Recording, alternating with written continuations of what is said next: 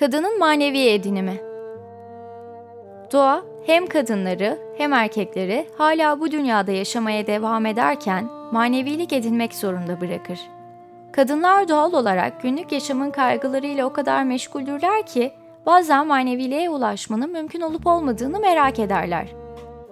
Kabala hem kadınların hem erkeklerin ister bilinçli ya da ister zorla olsun bu dünyaya inerek maddesel bir form almış olan manevi köklerini edinmeye ihtiyaç duyduğunu açıklar.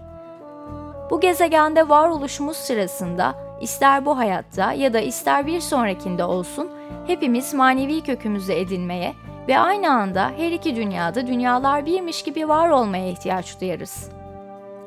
Bunu ne kadar önce yaparsak yaşamlarımız çok daha basit ve daha mutlu olacaktır.